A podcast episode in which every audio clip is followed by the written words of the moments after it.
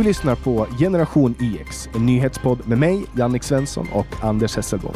Den här podden presenteras och produceras av tidningen Bulletin. Om du vill vara först med att höra nya avsnitt av Generation IX får du tillgång till dessa genom att bli pluskund på bulletin.nu.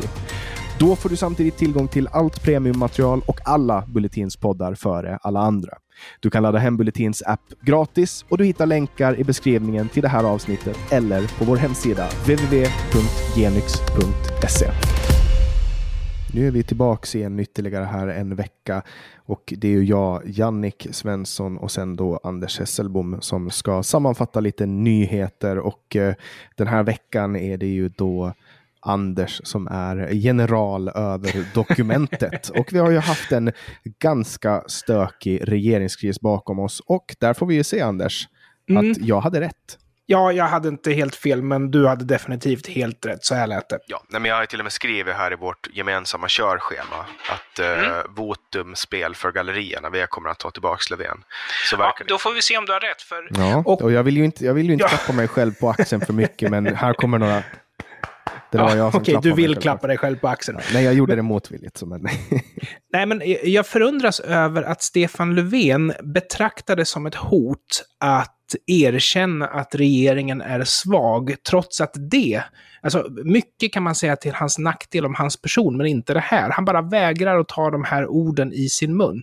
Men eh, propagandamaskineriet, det snurrar ju på, inte minst på Twitter. Socialdemokraterna är ju aktiva på Twitter, men det är ju sådana här liksom tillrättalagda tweets skrivna av kommunikatörer. Och ett exempel var att, ja, nu har vi anställt 6 000 poliser och 4 000 är på väg in. Och visst får man en känsla när man läser på Twitter vad Socialdemokraterna skriver att ja, men nu har vi fler poliser. Alltså, ja. var är, och jag skrev faktiskt det, har jag några journalister i mitt flöde? Liksom, jag, jag, förstår inte varför de inte blir granskade. Nej, men vi har ju också fler personer, eller fler oskyldiga människor med hål i huvudet som faller ner och slår sig i ett sista slag före de drunknar i sitt eget blod och dör av inre blödningar på grund av gängvåld. Så kan ja. man ju säga det också.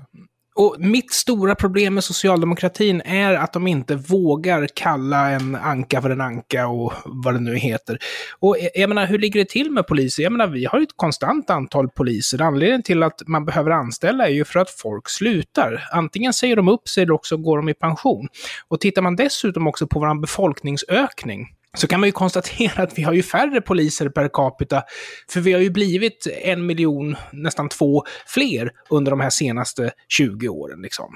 Jag förstår inte vad journalisterna är, men, men om det är någonting som är bra med att vi får en borgerlig regering, det är ju att då är det helt plötsligt okej okay att granska makten. Skulle Kristersson säga att nu har vi anställt 6 000 fler poliser, då skulle ju media plocka upp den bollen och säga det har ni inte alls. Ja, eller kolla hur många som har slutat. Alltså ja. det där är ju ett, ett, stort problem, eh, att, att vänstern, eller att, att, att media är så vänstervänlig. Och, och jag menar, det, det, här vet vi ju. Det är ju på det här sättet. Eh, kolla hur lite man har granskat Stefan Löfven och kolla hur mycket liksom man låter, media låter Stefan Löfvens regeringar komma undan med. Alltså, mm. Jag tänker ju igen på för att det är en av de sjukaste grejerna som har hänt i svensk politik. Och att regeringen inte föll då, i juni 2017. Varför, varför, varför har man låtit Sverige förfalla på det här sättet som man har gjort nu? Det, det går liksom inte längre att förneka att det är katastrof. Jag vill inte vara alarmistisk, men jag låter alarmistisk nu. Med tanke på mitt ämbete så kommer lyssnarna aldrig få höra namnet på den myndigheten, utan de kommer få höra IT-händelsen av oönskad karaktär för ett antal år sedan, men jag tror att de flesta vet väl vad vi pratar om. Men du har ju rätt. Mm. Och det, den största boven just nu, den absolut största marodören av dem alla, det är Annie Lööf. Det är Annie Lööf och Centerpartiet. Vad i helvete är det som händer med borgerliga Centern? Alltså varför har de gjort den här sleringen? Varför är det viktigare att isolera Sverigedemokraterna än att låta Sverige redas upp? man måste ta tag i det här nu. Man kan inte hålla på på det här sättet längre. Isoleringspolitik innebär, samtidigt som man isolerar det, Sveriges tredje största parti och vägrar prata med dem, så stoppar man också all rationell utveckling av Sverige, därför att Socialdemokraterna och Miljöpartiet kan inte utveckla Sverige i en rationell riktning. Nej, man kan det... inte vara en konstruktiv opposition.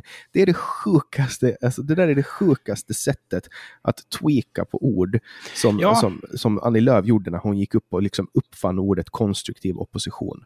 Fy fan, säger jag bara. Eh, jag undrar vad det är som är deras drivkraft. Det kan ju inte vara så att det är... Nej, jag, jag, jag vet inte. Men apropå det här med att inte tala med vissa och sådär.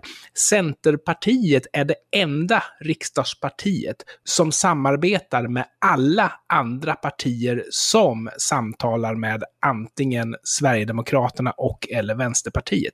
Inget annat riksdagsparti än Centerpartiet samarbetar med samtliga partier som samtalar med SD och V. Mm. Och det här leder ju oss till Johan Hakelius sammanfattning av regeringskrisen. Och vi ska nu gå in och göra, inte ett intellektuellt övertramp, eftersom jag nu berättar att källan till det jag kommer att läsa är fokus.se. Författaren heter Johan Hakelius och det här är publicerat den 5 7 2021. Och så här skriver han.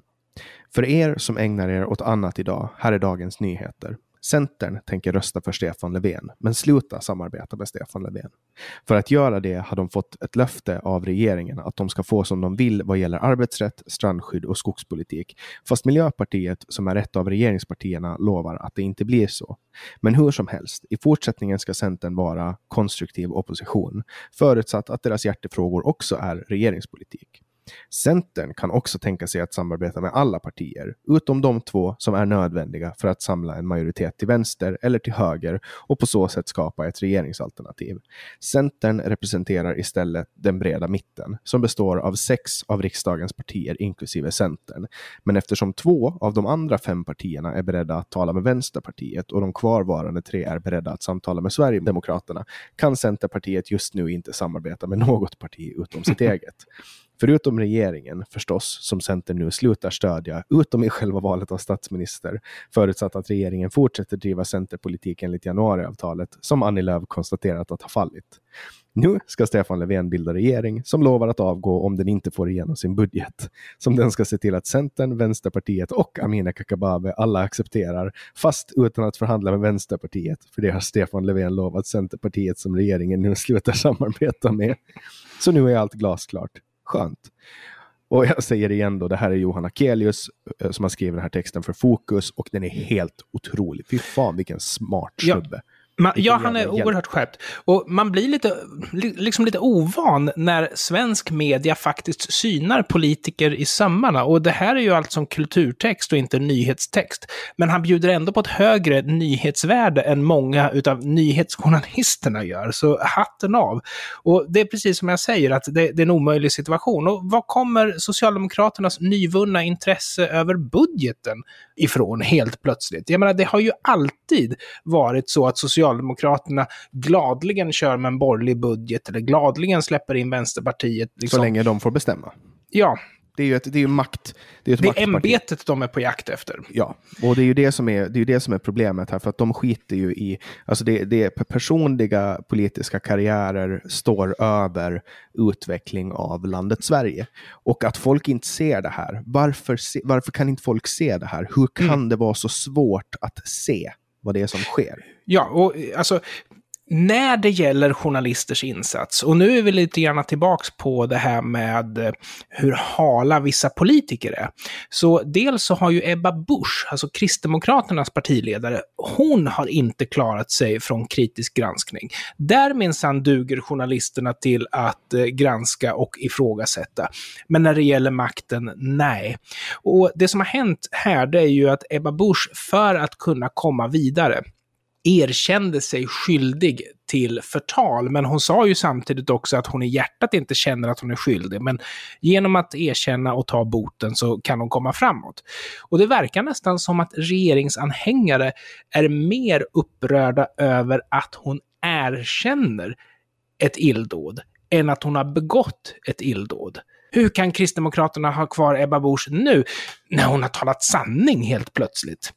Det där är så typiskt hur rättssystemet kan vara funtat, att man, man riskerar ju också väldigt mycket på att gå in i en alltså en, en rättegång. Även mm. om man vinner den och får alla rättegångskostnader täckta så förlorar man väldigt mycket tid. Ja, och framförallt man... så tid. Hon har ju inte tid för hon har ju ett jobb att sköta. Ja, det är ju val om ett år. barn och hon har liksom Ja, hon har familj. barn. Alltså det där, och hon har ett hus som hon ska ta hand om. hon Men... måste fixa på. Det, det där är ju liksom, det är, alltså, och sen in i en varelse, det alltså sitta med hotande ja. rättegång inför, alltså det, det, det, blir inte bra. Nej, och sen så tittar man på karaktären av brott som den här personen står åtalad för. Det var det som var Ebba Buschs brott, var att hon påpekade att den här nämndemannen, eller vad det var för någonting, någon form av jurist var det, var dömd för ett ganska allvarligt brott. Och det konstiga är att... Ett, ett centerpartistiskt brott. Ja, ett centerparti väldigt centerpartistiskt brott. Typiskt och jag lägger faktiskt ingen värdering i om den här personen är skyldig eller inte, för det finns omständigheter där som talar för att han kan ha blivit felaktigt dömd, men jag vet inte.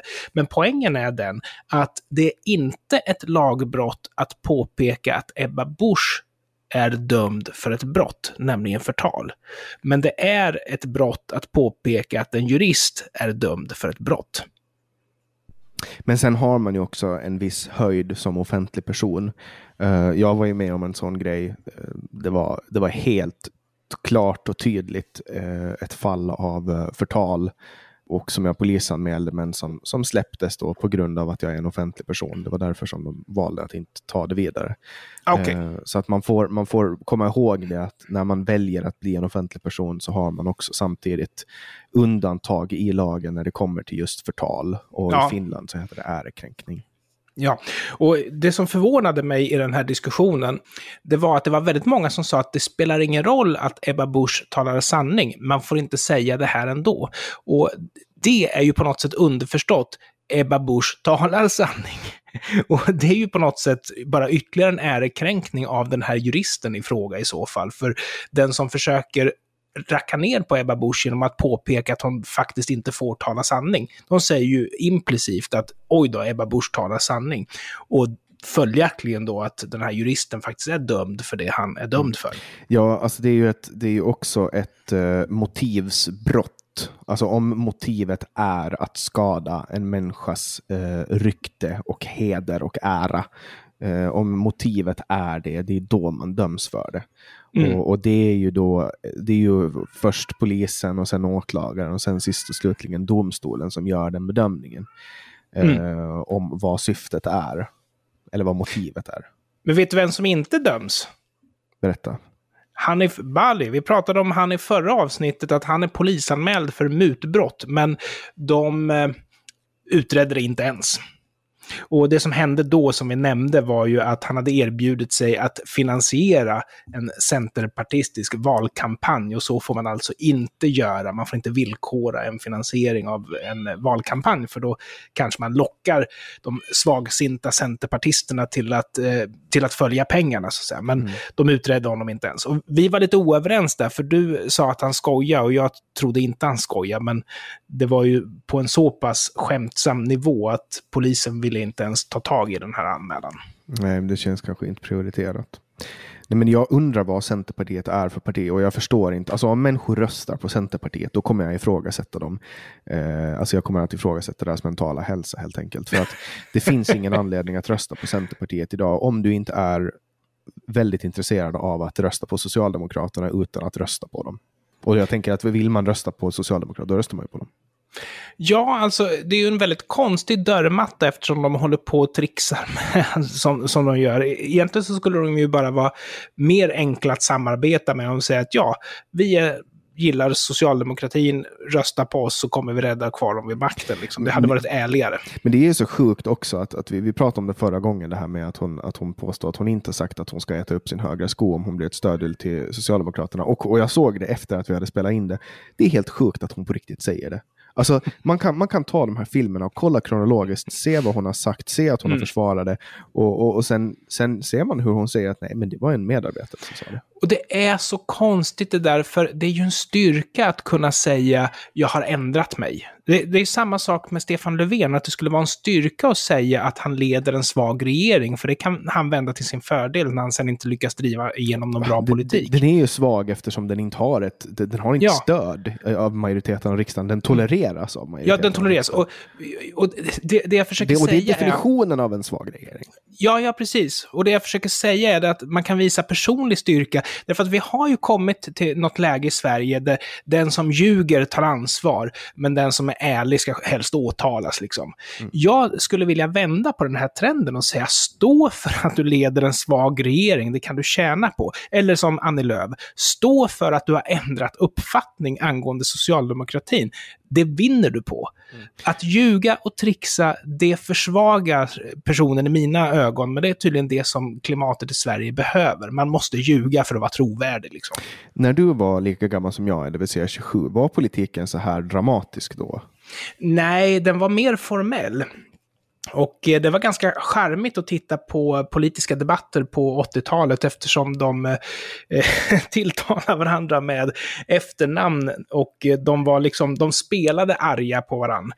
Karlsson ska veta hut! Så det, det, var, det var helt annat eh, politiskt läge.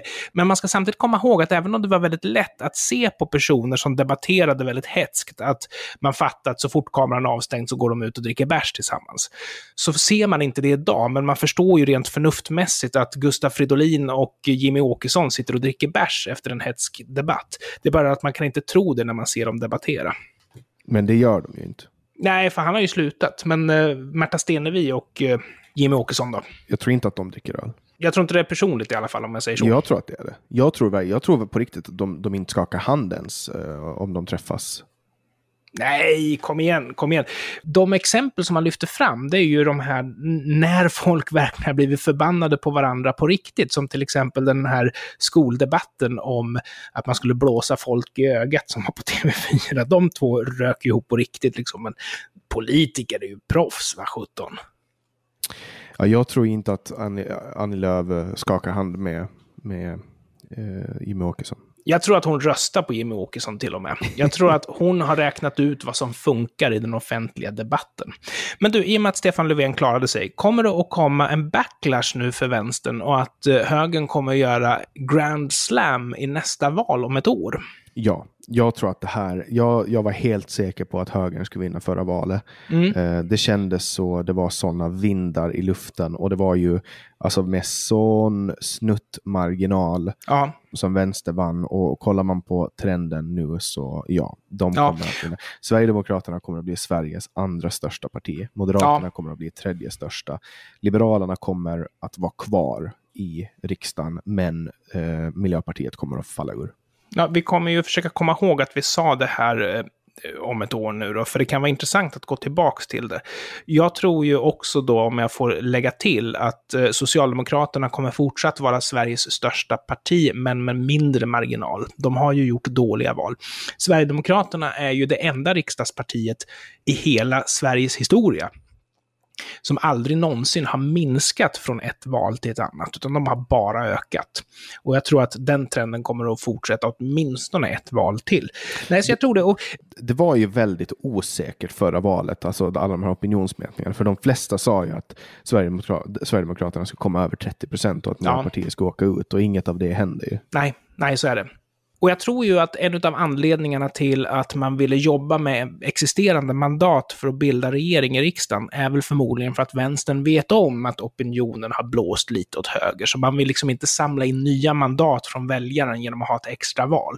Utan man vill köra med de mandat man har, för de ger en bättre förutsättningar för en vänsterregering. Och eh, då å andra sidan, om nu folk får sosseri ett år till så kanske de hinner lacka ur ännu mer på sosseriet och därmed rösta ännu mera höger. Mm. Jag tror att ett extraval idag skulle innebära att både Miljöpartiet och Liberalerna åkte ut och det skulle göra att en så pass stor andel skulle sympatirösta på dem från respektive block, att de skulle komma tillbaka in vid ordinarie val.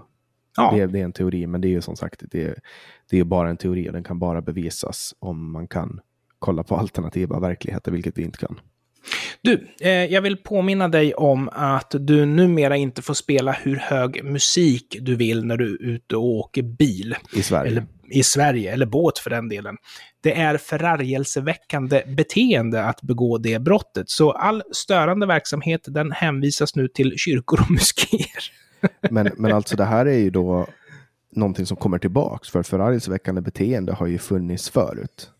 Ja, men det finns. Eh, det har funnits hela tiden, men du har liksom blivit dömd för det om du har visat ballen på allmän plats eller något sånt där. Men nu kan du fällas för det om du spelar hög musik också. Ja, eh, det fanns, fanns ju en lag som man tycker att borde komma tillbaka och det är ju då lösdriveri. Och det innebär att man drev runt på offentlig plats under en längre tid utan något legitimt syfte. Eh, mm. och det är ganska roligt. Ja, alltså, det finns ju vissa platser i Sverige som är skyltmärkta, där det står att här får man inte uppehålla sig. Och det är parkeringsplatser där de har haft problem med fyllerier på sådana här eh, bilträffar och sånt där. Så även om det är en allmän plats så får du liksom inte vara där och roa dig, utan du får bara vara där om du har ett eh, riktigt ärende på platsen. Men det finns ingen allmän lag som eh, förhindrar dig från att vara på en eh, specifik plats. Men om du till exempel står och tittar för noga i ett skyltfönster, då kommer du ju åka dit för planering av rån. Liksom. Mm. Ja, det är lite intressant det här med lösdriveri, för att alltså, den här lagen tog man bort 1965 och ersatte den med en lag om samhällsfarlig asocialitet som uh, avskaffades då 1981. I Finland så kunde man dömas till tvångsarbete fram till 1970-talet, början på. I USA så är 35 procent av städerna har lagar mot lösdriveri. Uh, och det här var 2014. Och i Oj. Storbritannien så är lösdriveri förbjudet om man stör allmän ordning, till exempel då tiggeri, skadegörelse eller dricka alkohol.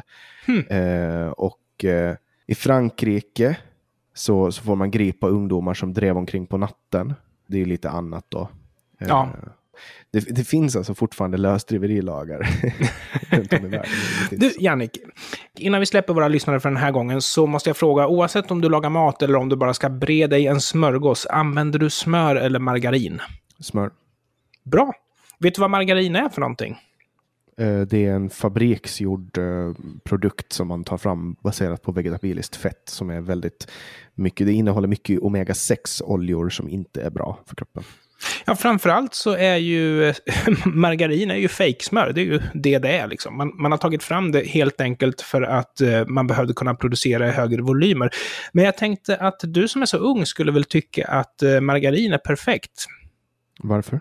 Ni dricker ju energidryck och allt sånt där som är gjort på kemikalier. Nej. Nej, då så. Bra. Ja, nej, nej för... alltså jag gör inte. Jag dricker kaffe. Ja, bra. Mycket, mycket bra. Och då måste jag ju ställa nästa fråga. Jag fick inte alls det svar som jag hade tänkt här, för jag tänkte att du säger margarin och sen så skulle jag tacka dig eftersom margarinets enda syfte var ju att när vi hade brist på kor och inte kunde producera tillräckligt mycket smör så skulle vi ha ett substitut för det, ett syntetiskt substitut för det. Och det var margarinet. Sill eller tacos på fredagskvällen då? Inget av dem. Vad äter du på en fredagkväll? Det beror på vad jag är inne i för period av livet. Just nu är jag inne i en ganska instabil period där jag har mindre koll. Men när jag äter som jag ska, då äter jag en, en måltid klockan 12 och en måltid klockan 17. Mm. Uh, och då är det någonting som innehåller väldigt mycket fett och protein. Okej, okay, okej. Okay. Du är inte en, eh, vad ska man säga, en matnjutare som eh, eh, lagar en fin köttbit och friterar eller steker en potatis och kanske några... Ja, jag äter väldigt gärna en god bit kött, men, men när det kommer till kolhydrater så är jag ingen njutare om att jag har liksom eh, någon form av grova ätstörningar som gör att så fort jag liksom får i mig kolhydrater så trycker jag in allting i mitt ansikte som jag ser. Det som jag...